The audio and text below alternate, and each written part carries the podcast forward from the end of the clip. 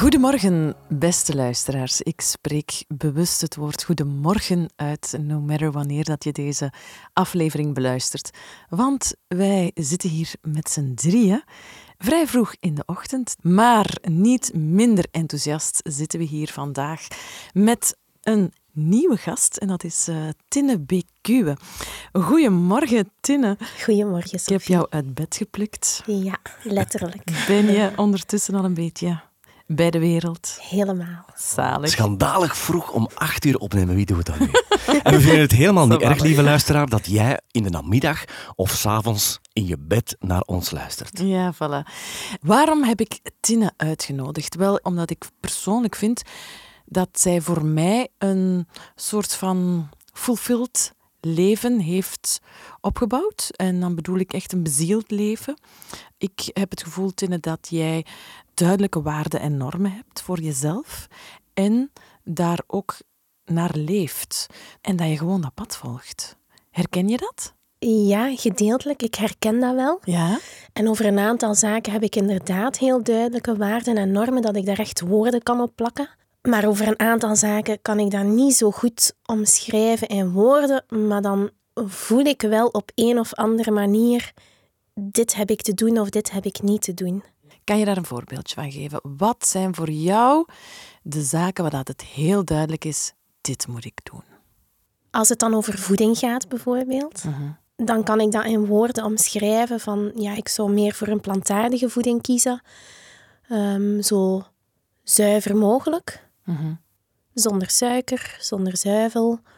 Goed klaargemaakt. Waarom? Um, omdat als ik dat eet, en daar komt het, als ik zo eet, dan voel ik mij het beste. En dat wil niet zeggen dat dat de waarheid is voor iedereen, maar voor mij voelt dat vaak als, oh, dan heb ik het meeste energie en dan stroomt mijn leven het meest, dan heb ik het minst slaap nodig, dan zit alles in een flow. Ik krijg regelmatig de opmerking op onze andere podcast, Beetweters, die gaat namelijk over voeding. En dan stellen mensen, vrienden vooral, mij de vraag van, is dat nu werkelijk zo belangrijk, die voeding? En kan je dat echt voelen? Want als ik morgen anders eet of ik eet gezond, dan heb ik daar helemaal geen effect van. Hmm. Hoe ervaar jij dat wanneer je gezond eet, dat je daar toch een effect op hebt? Ehm, misschien moet ik jou een beetje teleurstellen, maar vaak denk ik ook nee, het maakt niet uit. Het is meer de mentale insteek. En als voeding voor jou een insteek is, en dat is voor mij zo, dan zal dat een groot effect hebben. Maar heb jij ergens anders jouw passie liggen, dan zal voeding minder een rol spelen, denk ik. De gedachten zijn veel sterker dan het fysieke voedsel dat je tot je neemt. En dan bedoel je die overtuiging van wat ik nu eet hoort zo? Zou ik eigenlijk moeten eten of wil ik per se eten? Is het dat wat je bedoelt? Ik bedoel dat ik een achtergrond heb van macrobiotica, van plantaardige voeding. En ik ben daar een stukje in grootgebracht. En dat is mijn bagage. En daar put ik uit om nu keuzes te maken. En ik ben niet consequent. Vroeger was ik daar ongelukkig over, maar ondertussen al lang niet meer. Maar dus ik ben niet consequent. Zo is het. Heerlijk. Ja. um, Maar voor mij is dat de gemakkelijkste bagage om uit te putten, omdat ik dat op een of andere manier heb meegekregen. Als dat voor iemand anders niet zo is, ja, dan is dat zo. Zoek het dan ergens anders als voeding jou niet interesseert. En ik ben er wel van overtuigd dat iemand die heel veel fastfood en heel veel suikers en echt het omgekeerde um, eet, dat die het veel moeilijker zal hebben om gewoon vrij en blij in zijn lichaam te zitten. Maar als iemand nu kiest voor een paleo-dieet met toch meer dierlijk of voor uh, weet ik veel wat andere dieet dat er helemaal anders uitziet dan macrobiotiek, wie ben ik om te zeggen nee, dat is niet het juiste. Doe het, ervaar het en kies. Zeg jij ook dat het mentale de passie, dat dat sterker is dan enkel die voeding? Absoluut, absoluut. Want jij zal er ook van overtuigd zijn wat je eet, dat dat gezond is. En misschien is die overtuiging belangrijker dan wat je in je mond steekt. Mhm. Dus die passie gebruik jij uiteraard ook voor alle andere dingen in het leven. Ja. Kan je ons daarin meenemen? Ehm, ik heb daar niet zo duidelijke woorden voor. Op een of andere manier slaag ik erin om de mensen te ontmoeten of te kiezen die mij voeden. En daar haal ik dan weer mijn passie uit. Of daar voel ik dan weer uh, de levensvreugde of de goesting om verder te gaan. Dus het is altijd een soort wisselwerking voor mij. Het is niet ik in mijn eentje die een passie heb en daar dan voor ga. Het is altijd een samenloop van omstandigheden en een samenloop van mensen die elkaar ontmoeten en daarvoor gaan. En ik kan dat niet goed afbakenen. Ik kan niet zeggen op basis daarvan of daarvan maak ik keuzes in relaties of in dingen die ik doe of niet doe. Maar gewoon als ik goed nadenk en voel, wat kies ik dan? En meestal kies ik goed en soms kies ik totaal fout en ook dat is oké. Maar je voelt het wel. Je voelt, jij kan heel duidelijk voelen, hier zit mijn intuïtie of mijn intuïtie vraagt me nu dit. Ja. En hoe doe je dat dan? In ieder geval ga ik naar een soort stilte. En ik heb een plekje op mijn kamer waar dat ik daar tijd voor maak. En dan ga ik aan de slag. En voor mij ziet dat eruit een groot blad papier. En dan begin ik te knippen en te plakken. Of dan haal ik ehm, stukjes uit een boek, woorden, een passage uit een boek of een gedicht. En dan begin ik samen te voegen. En dan komt daar iets uit. En dan komt er een ja of een nee. Of een misschien. En als je het zeker weet, ga. En als je twijfelt, wacht. Dus je gaat dat visueel proberen op papier te krijgen? Of, ja. Ja, oké. ja, ook met kleur. Om het concreet te maken voor jezelf. Ja, en om, dan, dan bekijk ik wat ik gemaakt heb en wat zegt mij dat, wat vertelt mij dat. Zijn dat hele harde kleuren? Zit daar een stop op? Of is daar iets van, wow, hier zit een flow. En ah ja, en als ik dat samenvoeg, maar ja, het klopt. Maar ja, het klopt, ik moet dat doen. Of ik, daar zit een mogelijkheid in. Wat niet wil zeggen dat het dan altijd lukt. Want er is niet alleen mijn idee of mijn passie in de wereld. Er zijn ook al die andere mensen en al die andere gegevens. En goed, dan lukt het niet. En misschien is het niet alleen zien dat je doet, maar je voelt ook, je hoort ook. Is dat zo? Ja. Dus het is niet alleen helderziend, als we het zo mogen benoemen, maar ook heldervoelend bijvoorbeeld. Oh, ik zou daar zeker de term helderziend of heldervoelend niet ja, op plakken. Het is inderdaad een beetje beladen, ja. Dat klopt, ja. ja, eh, Maar, uh, ja, maar het is ook een werken. zintuigen. Ja. ja, maar het is niet dat het... Want ik, ik geloof dat er zo mensen zijn hè, die het in één... Als een pijl komt het binnen en ze weten het. En ze hebben het gezien. En voor mij is het een soort werken, zoeken. Een slakkengang. Ja, slakkengang en een stapje vooruit en een stapje terug. Met je hoofd tegen de muur lopen en terug aan wat heb ik nu geleerd? En is dat het stuk dat ik bij de anderen mag laten? Of is dat het stuk dat ik bij mezelf neem en waar ik echt mee aan de slag moet? En dat zo eerlijk mogelijk proberen te doen. Niks verbloemen. Van treft mij dat nog? Doet mij dat pijn? Word ik daar kwaad van? Dat is iets voor mij. Dat heb ik bij mij te nemen en dat heb ik te verwerken. Of dat heb ik op te nemen en daar heb ik mee aan de slag te gaan. Vind je het lastig dat het, dat het niet zo snel gaat als die pijl bij anderen? Nee. Want als het werkt, is het waar, hè? Ja, dat denk ik ook. En het hoeft ook niet mhm. snel te gaan. En ik denk ook niet als je het met een pijl binnenkrijgt, om het dan maar zo te noemen, dat er ook geen fout kan opzitten of dat het ook niet toch nog net iets anders kan zijn. Dus het is niet omdat het snel is of omdat het traag is, dat het juister of beter is. Het is op een andere manier. En ik heb ook wel alles de ervaring van een pijl. Ja, als je op slag verliefd wordt, dan mhm. gaat het ook door alle lagen heen. En dan, ja, dan weet je het, dan kan er niks meer tussen komen. Zalig. Dus zo werkt het ook wel soms. Ja. ja. ja. Want jouw passie en die verbindingen met mensen waarover je spreekt, hebben denk ik er ook voor gezorgd dat je dus een eigen zaak hebt opgericht. Mhm. Je bent eigenaar van een natuurvoedingswinkel. Ja. Hoe is dat voor jou? Voelt dat echt thuiskomen? Um, ja. Ik herinner mij al als kind gingen wij naar Christine. Ik ben opgegroeid in Dixmuiden en daar was een natuurwinkeltje, mag ik daar wel zeggen. Uh, ik denk dat Christine wat brood had en muesli van Lima. Dat zijn zo de dingen die ik mij herinner. Um, dus ik heb, het, ik heb het wel met de paplepel meegekregen en daar is ergens al een kiem gelegd. Dus het klopt, het klopt gewoon. Ik ben ook heel graag in contact met mensen, maar niet te, dicht, niet te dichtbij. En daar is het gegeven van klant en winkelier, vind ik heel comfortabel. Ik sta achter mijn toog, meestal. Soms kom ik er uh, kom ik naar voren, maar meestal sta ik achter mijn toog. En dat voelt als de juiste afstand. Dan heb je een soort een comfortabele setting voor mij. Wat als het tekort komt? Hoe voelt dat dan voor jou? Wel, daar heb ik het moeilijker mee. Hè? Waarom? Soms te confronterend. Wat niet erg is, dan leer je daar ook wel weer uit. Maar in mijn job bijvoorbeeld, um, ik kan naar de verhalen luisteren van mensen en die zijn best wel soms pittig. Mhm. Maar die wandelen de winkel uit en dan zijn die ook terug buiten en de volgende komt binnen en dan is het terug heel oppervlakkig.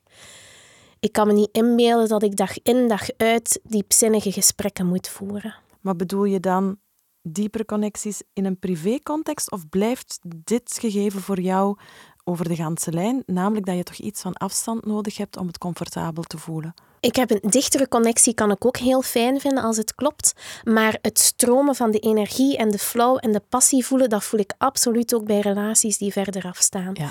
Ik zeg soms als, al grappen tegen mijn collega's, oh, ik zie ze toch graag, die klanten. En dan meen ik ook echt. Wat dat niet wil zeggen dat ik er elke zondagochtend mee zou willen samen ontbijten. Verre van. maar dat neemt niet weg dat ik, ja, dat ik dat als voedend ervaar, de contacten die ik heb. Wat dat best soms ook wel eens pittig kan zijn, want niet al mijn dagen zijn top. En als je een mindere dag hebt en je bent professioneel toch verplicht om in relatie te treden met mensen, um, is dat niet altijd zo gemakkelijk. Maar ik voel ook, het is negen uur, die deur gaat open, de gordijntjes omhoog en dan is er precies een klik in mijn hoofd. En ook al heb ik een mindere dag, voilà, een stralende lach en ik sta in de winkel en dat gaat ook. En ik vind dat zelfs belangrijk. Want soms vragen mensen mij dat van... Allee, jij bent altijd zo vrolijk en vol energie. Hoe doe je dat toch? Ja, hoe doe ik dat? Om door af en toe ook gewoon verdrietig en kwaad te zijn. En een huishouden dat overhoop staat. Of dingen die mislukken. En dat ook gewoon te nemen voor wat het is. Ik hoor in de verte ook een luisteraar denken: hoe kan je in godsnaam een passie vinden in het openen van een winkel? En daar heb je uitgebreid op geantwoord, dus denk je wel daarvoor. Maar welke passies heb je daarnaast? Daar ben ik in geïnteresseerd. Oei, ik vind dat een moeilijke vraag. Soms is de winkel zo alles overheersend. Koken is in ieder geval een passie van mij en daar kan ik ook de ontspanning in vinden. Ik heb een yogamatje liggen. Dan moet ik er ook nog op gaan staan, maar dat lukt toch wel regelmatig. Mm, maar is dat echt een passie? Ik voel mij daar goed bij. Ik probeer wat te sporten, maar ja, ik denk dat het aan de slag gaan met het yin, gaan we dan maar zeggen, met het meer fijngevoelige, dat dat misschien wel een passie is. Ja, dat wordt soms ook wel eens het vrouwelijke genoemd, hè? Of het vrouwelijke, het zorgzame, het omringende, het omhullende. Mhm. Dat triggert mij ook, om daar meer in te gaan staan. Ja, ik heb het gevoel dat voeding voor jou wel, of gezonde producten wel een rode draad is. Mhm. Dat het niet alleen jouw professionele context vooral uh, bepaalt, maar dat je ook graag ja, deelt met mensen, dat geven en dat, dat delen van die enorme wijsheid die zij in zich heeft over dat onderwerp is wel, is wel mooi om te zien. Mhm. Ehm, en dat bedoel ik met dat bezield leven, dat is ergens zo precies een missie hebben hier op aarde en, en daar ook ja, in berusten en, en, uh, en voor gaan. Ja, ik vind dat een mooie combinatie wat je zegt, berusten en ervoor gaan. En voor mij is het dat ook. Dus het mag geen dwangmatig iets worden. Dat heb ik al gehad. Dus dat laten we achterwege. En ik mag ook niet in de gelatenheid vallen, wat ik ook nog soms doe. Maar ook dat is oké. En zijn periodes of stappen waar je door moet en waar ik soms nog opnieuw in terechtkom. De gelatenheid of het te strikte. Maar inderdaad, het delen met mensen, ja, vind ik gewoon heel fijn om te doen. En ik probeer er ook zo eerlijk mogelijk in te zijn. En daar zit voor mij ook een verschil tussen Tine in de winkel en Tine die kookles geeft. Mijn kookles geef ik niet voor niks thuis. Daar ben ik echt gewoon mezelf en dan vertel ik heel eerlijk wat ik zelf zou doen of wat ik zou aanraden. In de winkel heb ik steeds een commerciële positie. Hoe dat je nu ook draait of keert, het is geen vrijwilligerswerk. Dus ik moet in de winkel op een andere manier reageren. En mensen vragen dat ook. Als iemand in de winkel advies vraagt, dan ga ik kijken naar producten die er zijn. En als iemand mij vraagt, Tine, wat zou je zelf doen, ga ik daar eerlijk op antwoorden. Ik ga een stom voorbeeld geven. Als je keelpijn hebt, dan hebben wij spray van propolis en we hebben een um, siroop met den, tijm en salie. Maar het eerste wat je doet is spoelen met zoutwater. Ja, daar heb ik niks aan verdiend. In mijn kookles ga ik, daar, ga ik dat wel direct meegeven. En in de winkel ga ik eerst mijn producten aanraden. En als ik voel dat er wat openheid is, ga ik ook het simpele middeltje meegeven. Mhm. Dus ik sta toch op een andere manier in de winkel dan in mijn kookles. Maar wel passioneel. Maar wel passioneel. Ja. Op, op beide vlakken zo. Ja. ja. En dat is ondertussen een beetje duidelijk. Als, als je het goed vindt, zou ik daar even dieper willen op ingaan. Ik kom wel eens mensen tegen die geen flauw idee hebben van wat je bedoelt met in je passie staan. Mhm. Dus kan je ons vertellen wanneer je voor het eerst voelde, ik heb hier gevonden wat ik eigenlijk zocht? Er gaat iets stromen, je ogen gaan wijder open, er verschijnen uh, lichtjes in je ogen. Je kan niet stil blijven zitten. Er is iets dat bruist eh, waarvan dat je denkt, ja, ja, dat is het. Zo een, een soort overtuiging, zelfs een beetje te, maar ik denk dat dat bij passie hoort. Dat is het, daarvoor wil ik gaan. Dat kan ik de wereld meegeven. Ah oh, ja, daar zit iets in. En dat is zo de eerste stap. En dan wordt het wel terug wat rustiger. Um, maar in eerste instantie zit er iets van: wow, dat zou heel de wereld moeten weten, want dat is het. En dan zet je ook wel een stap terug. Oké, Tine, het is heel interessant, maar er zijn ook nog andere waarheden. Maar toch dan voor je eigen waarheid eh, blijven gaan en staan. Met een soort terughoudendheid, maar net niet te veel. Zo. Daar een, een, een evenwicht, een balans in vinden. En dan daarna kom je in die fase die je net beschreef waarschijnlijk, dat je jezelf langzaam gaat haasten. Zoiets. Berusten en toch verder doen. Ja. Dat was een heerlijke omschrijving. Ik zou het absoluut niet beter gekund hebben. Ik vond het heel fijn. Dat zijn de hoofdstukken van een boek, Tine. Echt? Ja, Wauw, en oh, en oeh. Je wil het eigenlijk van de daken schrijven, hè? Hm. Uh, niet meer. Niet meer, ja. Je, je zit in die tweede fase, die fase waarin je berust en dat je zegt van, ik ga er... Um, het is oké. Het is oké en ik doe verder zoals ik denk dat ik moet verder gaan. Ja, en als het mij komen vragen, zal ik eerlijk antwoorden. Maar als iemand mij niks vraagt, ga ik ook niks... Uh... Niks opdringen of... Nee, uh... en dan ben ik mijn vriendelijke zelf, maar mhm. daar blijft het dan ook bij. Mhm. Maar als je een soort nieuwsgierigheid voelt van anderen, dan durf ik er wel op springen, ja. ja dan word je nog getriggerd. ja. ja. Jouw altruïstische levenshouding, zal ik het nu maar noemen, heeft er ook voor gezorgd dat jij begin dit jaar bevallen bent van een jongetje, Pavel. Ja. Want je bent draagmoeder geweest. Ja. Wat heeft ervoor gezorgd dat je op die vraag ja gezegd hebt? Er zit heel veel in wat je nu vraagt. Ik ga eventjes terug naar de altruïsme. Ik voel mij niet altruïstisch, Sophie. Oké. Ik ga eigenlijk vooral voor mijn eigen ding. Niet op een egoïstische manier, maar ik sta wel op de eerste plaats in mijn leven. Altijd, altijd. En ik vergelijk dat met als een vliegtuig neerstort. Dan zet je eerst op je eigen gezicht het zuurstofmasker. Mhm. En pas daarna ga je andere mensen helpen. En daar zorg ik voor. Dat ik dat doe. Het lukt niet altijd, maar dat hou ik toch altijd in mijn achterhoofd. En soms wordt er dan wel eens gezegd dat dat egoïstisch is. En dan ga ik ook voor mezelf nadenken, is dit egoïsme? En soms is het dat, hè. Mhm. Dan moet ik daar ook eerlijk over durven zijn. Maar soms denk ik, nee, dit, dit heb ik gewoon voor mezelf moeten doen, want anders kan ik niet verder en kan ik iemand anders ook niet voeden. Heb je geen zuurstof genoeg? Voilà. Dus eerst voor mezelf de ademruimte, het licht, de tijd, de ruimte, de gezonde voeding en pas daarna voor anderen. Zou het kunnen dat wij zo opgevoed zijn om niet eerst aan onszelf te denken? Wie is de belangrijkste persoon in jouw leven? En je hebt automatisch de neiging om iemand anders te benoemen dan jezelf. Mhm. Ik heb daar jaren over gedaan, mhm. dus voor mij was het ook heel moeilijk. En uiteindelijk dacht ik, ja, het heeft, niemand heeft het mij ooit verteld. Ik denk dat dat een beetje in onze christelijke katholieke traditie zit. Dus vaak zeggen mensen mijn moeder, uh, is de belangrijkste persoon. Dat zit zo'n beetje in dat Maria-beeld, denk ik dan. Hè. En Jezus had ook ergens zo'n uitspraak waaruit dat wij gefilterd hebben eerst de ander. Mhm. Mijn kinderen zijn de belangrijkste. Of mijn kinderen zijn de belangrijkste. Maar dat is, dat is helemaal niet. Dat kan ook niet werken. Als je zelf niet goed in je vel zit, dan, dan gaat het niet. Dan ga je ook van diegene, van die kinderen of van degene aan wie je iets geeft, ga je ook iets terugverwachten, want die moet iets invullen voor jou. Eerst jezelf vullen.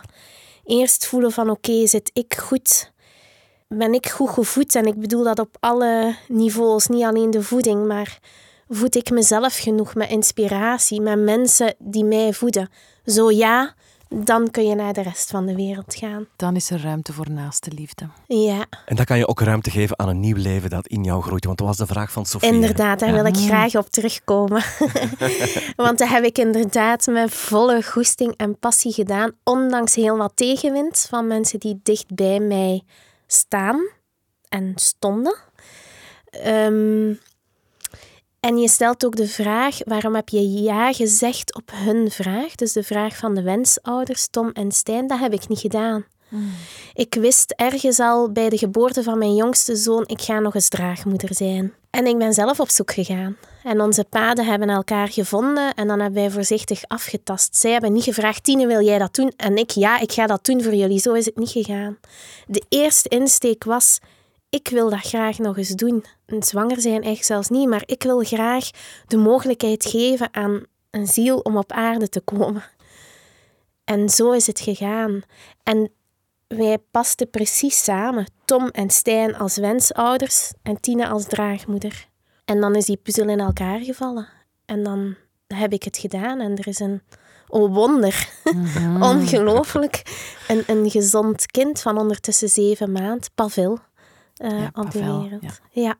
ja. Om het met een duur woord te zeggen, de synchroniciteit heeft gewerkt. Zoiets, zo zou je het kunnen noemen. Mhm. En was het niet deze synchroniciteit geweest, dan was het een andere geweest. Dus, of de omstandigheden die sommige mensen wel toeval noemen. Ja. Maar het valt jou toe, dus het hoort bij jou, hè? Ja, zoiets. Ja, voor mij is het ook nooit toeval. Ja, zo voelt het ook niet voor mij. Nee, nee je kijkt er ook naar en je, je werkt er naartoe en je doet een stap terug en er, komt, er wordt iets toegevoegd en oh ja, dat klopt. En zo uh, gaat het verder. Is dat niet je pad volgen?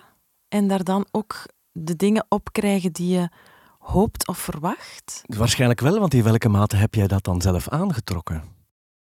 Al wel heel concreet. Dus ik ben wel op zoek gegaan. Eigenlijk al tien jaar dat ik regelmatig is. Um, je mag in België geen vraag stellen, niet op zoek gaan naar een draagmoeder, officieel. Maar je mag wel de wereld insturen, wij zijn wensouders. Het is een, mhm. een, stomme um, wet en je moet er een beetje omheen bewegen. Maar goed, we hebben dat gedaan.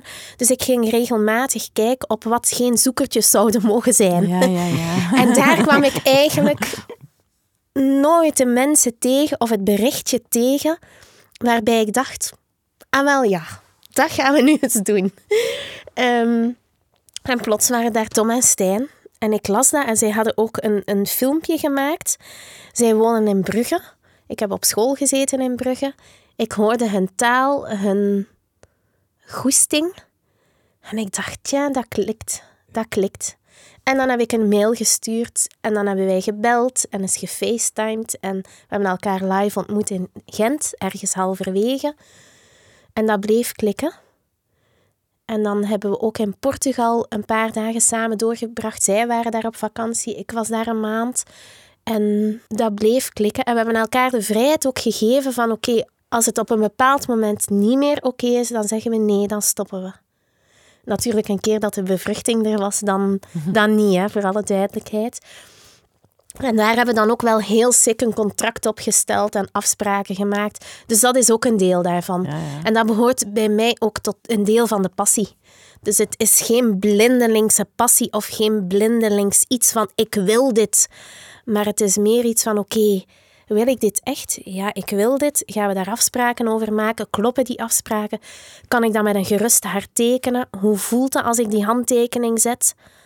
op die manier probeer ik daarmee om te gaan. Maar de manier waarop je er nu over praat, spreekt boekdelen. Hoe bedoel je? De passie druipt er vanaf. Het, het, het is mij duidelijk dat jij dit heel graag wilde.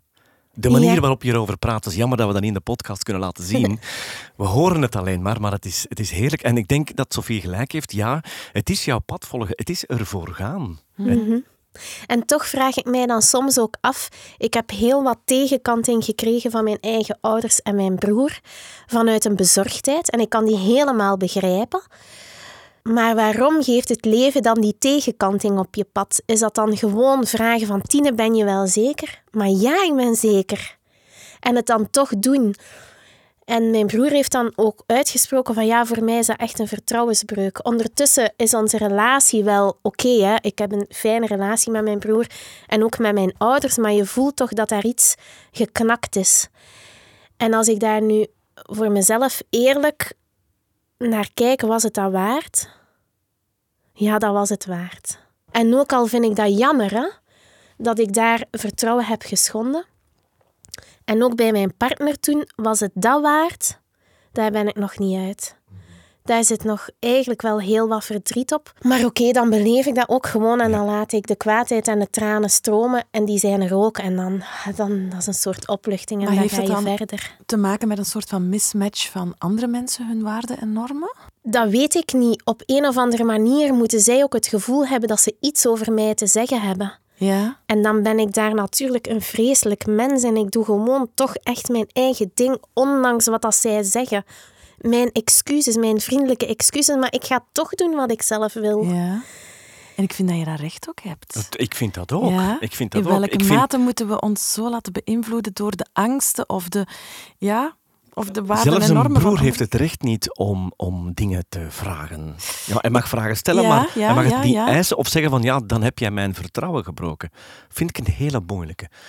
Ja, ehm, maar ik, ja, misschien moet ik verduidelijken. Ik heb een heel gesprek gehad met mijn vader en mijn broer. En toen heb ik gezegd, oké, dan doe ik het niet. Heb ik aan hen gezegd. En ik meende dat ook op dat moment. En dan heb ik het contact met Tom en Stijn verbroken. Maar een paar maanden later voelde ik, dat ging niet weg uit mijn lijf. Tuurlijk. En dan heb ik het wel gedaan. En toen heb ik geredeneerd, wat dan misschien niet helemaal juist is, maar ik heb dat op, die, op dat moment op die manier beslist. Van als jullie het niet aankunnen, dan doe ik het gewoon zonder het te zeggen. Ja. En daar snap ik de vertrouwensbreuk. Ja, ja, ja, ja, dat verklaart Maar wel. goed, Ja, ik begrijp jou eh, nu dan, ook dan is het zo. ja, ja. Ik, ga, Ja. ik, ik geef mezelf geen schuld Ja, ja, ja. daarover. Het vertrouwen is eigenlijk geschonden omdat je eerst had gezegd ik doe het niet en Ja, nadien kwam je erop terug. Oké, Voilà. nu begrijp ik het beter. Ja, ja, ja. Dus sorry voor mijn veroordeling van je broer. Nee, nee, nee, geen enkel probleem. Het is een toffe man. Je spreekt ook over de vriend van toen. Ja, Betekent dat die vriend er nu niet meer is? Heeft het een met het ander te maken? ja. Het Ja. is natuurlijk maar een onderdeel. Mhm. Maar het heeft misschien wel met de dynamiek te maken. En ik wil daar ook mee zeggen, de passie waarmee dat je leeft, dat is niet dan dat alles dan vanzelf gaat. Dus als je met passie in het leven durft te staan, dan loop je ook tegen dingen aan en heel pijnlijke dingen. En ook daar heb je mee te, te handelen, daar moet je ook mee omgaan. Dus het is niet van, oh, die volgt zijn passie, hoe schoon is dat en hoe gemakkelijk moet dat zijn? Nee, helemaal niet. Helemaal niet. Ja. Ja, en dat herken ik ook wel. Ik heb net ook een, eh, een, een interessant gesprek met vrienden gehad en dat ging daarover. Een vriend van mij wil ook ehm, ja, een beetje duiken in het leven, Mhm. terwijl iemand anders dan zei, ja, maar pas op, je gaat gekwetst worden. Mhm. En dat is hetzelfde. Dus de omgeving kan je soms wel het gevoel geven van oh, voorzichtig ga op de rem staan, terwijl een gepassioneerd iemand moet duiken, moet gaan voelen, moet springen, met alle gevolgen van dien. Voilà. Maar wij zitten hier nu met drie zeer gepassioneerde mensen samen. Voor ons is het makkelijk praten. Ja. En laat ons eerlijk zijn, als wij die tegenslag hebben, Sophie, en ik ken jou ook een beetje, wij gaan er eigenlijk over. Hè? Wij leren daar iets uit, wij kijken ernaar, wat hebben, we, wat hebben we hier te leren, en we gaan door. Ja, en dat voedt mij ook wel. Ik vind dat is zo precies dat je stukjes getormenteerde brokstukken mij ook wel voeden. Ik, ik heb daar niet zo'n bang van, van pijn en verdriet. Ik ga daar niet graag in, maar het gaat me niet tegenhouden.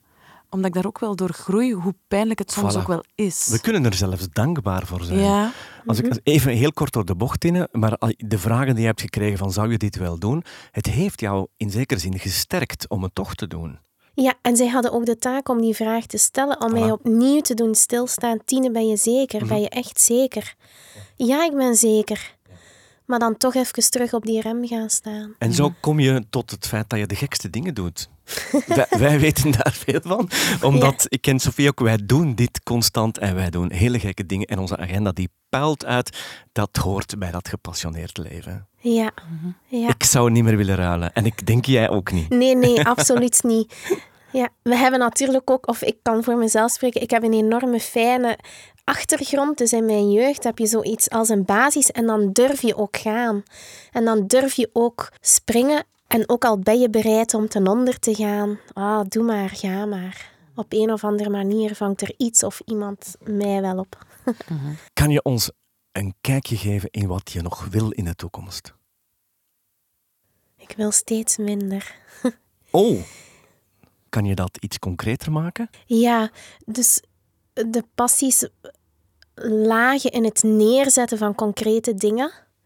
En ik heb de winkel en Pavel is geboren en ik heb twee schitterende eigen kinderen. Maar het hoeft allemaal niet meer zo hard. Het mag gerust wat minder en het mag rustiger en stiller. Dus ik ga daar naartoe bewegen, dat voel ik. En waar kijk je dan naar uit in die stilte? Misschien nog een grotere helderheid.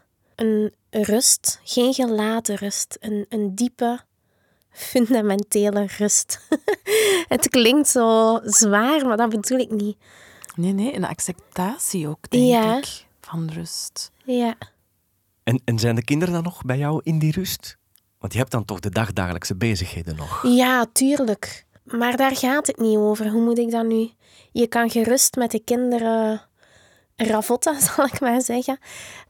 En ondertussen de rust ervaren. En dat mis ik nu soms een beetje, omdat ik te veel tegelijkertijd wil. En daar ben ik ook tegenaan gelopen. Van altijd maar doen en gaan voor wat dat je zelf wil, ja, dat heeft zijn prijs. En dat mag. En ik ben heel blij met de dingen die ik tot nu toe heb gedaan. Maar het mag ook wel wat minder. Zou het kunnen dat je daardoor nog sterker verankerd in het leven zult staan? Dat hoop ik. Dat hoop ik. Want door alsmaar te doen heb ik ook soms eh, het gevoel dat ik de grip verlies.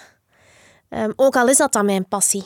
Toch sleurt het jou soms mee in het te veel doen in de buitenwereld. In, ja, in het naar buiten gaan. Terwijl dat ja, even terug naar binnen, naar jezelf, dat schiet er soms over. En, en dat zou ik wel meer tijd en ruimte willen geven. Je wordt af en toe te veel geleefd, bedoel je? Zoiets, ja. Ja. Ook door mijn eigen keuzes die ik heb gemaakt. Dus geen blaam voor niemand. En ik vind dat zelf ook niet erg. Dat mag ook helemaal. Maar het mag stilletjes aan naar iets anders evolueren. Ja, ik word er zelf stil van. en ik herken het, ik herken het ook wel. Allee. Ja, ehm, ik denk dat dat ook wel wat met de leeftijd te maken heeft, zou het? Dat zou best kunnen. Of de wijsheid? Soms schrijf ik mij af, hoe lang duurt dat hier nog? ik bedoel daarmee voordat de rust, voordat Ja. eh, de diepe rust kan komen. Voilà. Ja, en het is nu, we zitten nu niet in het tijdsgevricht dat er zaken neergelegd zullen worden. Hè? Maar wel waarin het des te belangrijker is om de rust in jezelf te vinden. Des te belangrijker nu. En geen tien of twintig jaar meer wachten. We kunnen er niet meer langs. Hè? Nee. Nee, de voorspellingen zijn voorbij. We zitten nu in de feiten. Ja. Ja. Heer- heerlijk. Mag ik jou van harte bedanken om op een zo vroege ochtend toch naar hier te komen om dit eh, gesprekje te hebben. Graag gedaan. Het gaat je goed. Dankjewel. Vind je deze podcast leuk? Geef hem dan een goede rating op de app van Checkpot. Checkpot is een inspiratieplatform voor podcasts. Je vindt er recensies van podcasts en je krijgt luisteraanbevelingen op basis van jouw profiel. Je kan de app nu downloaden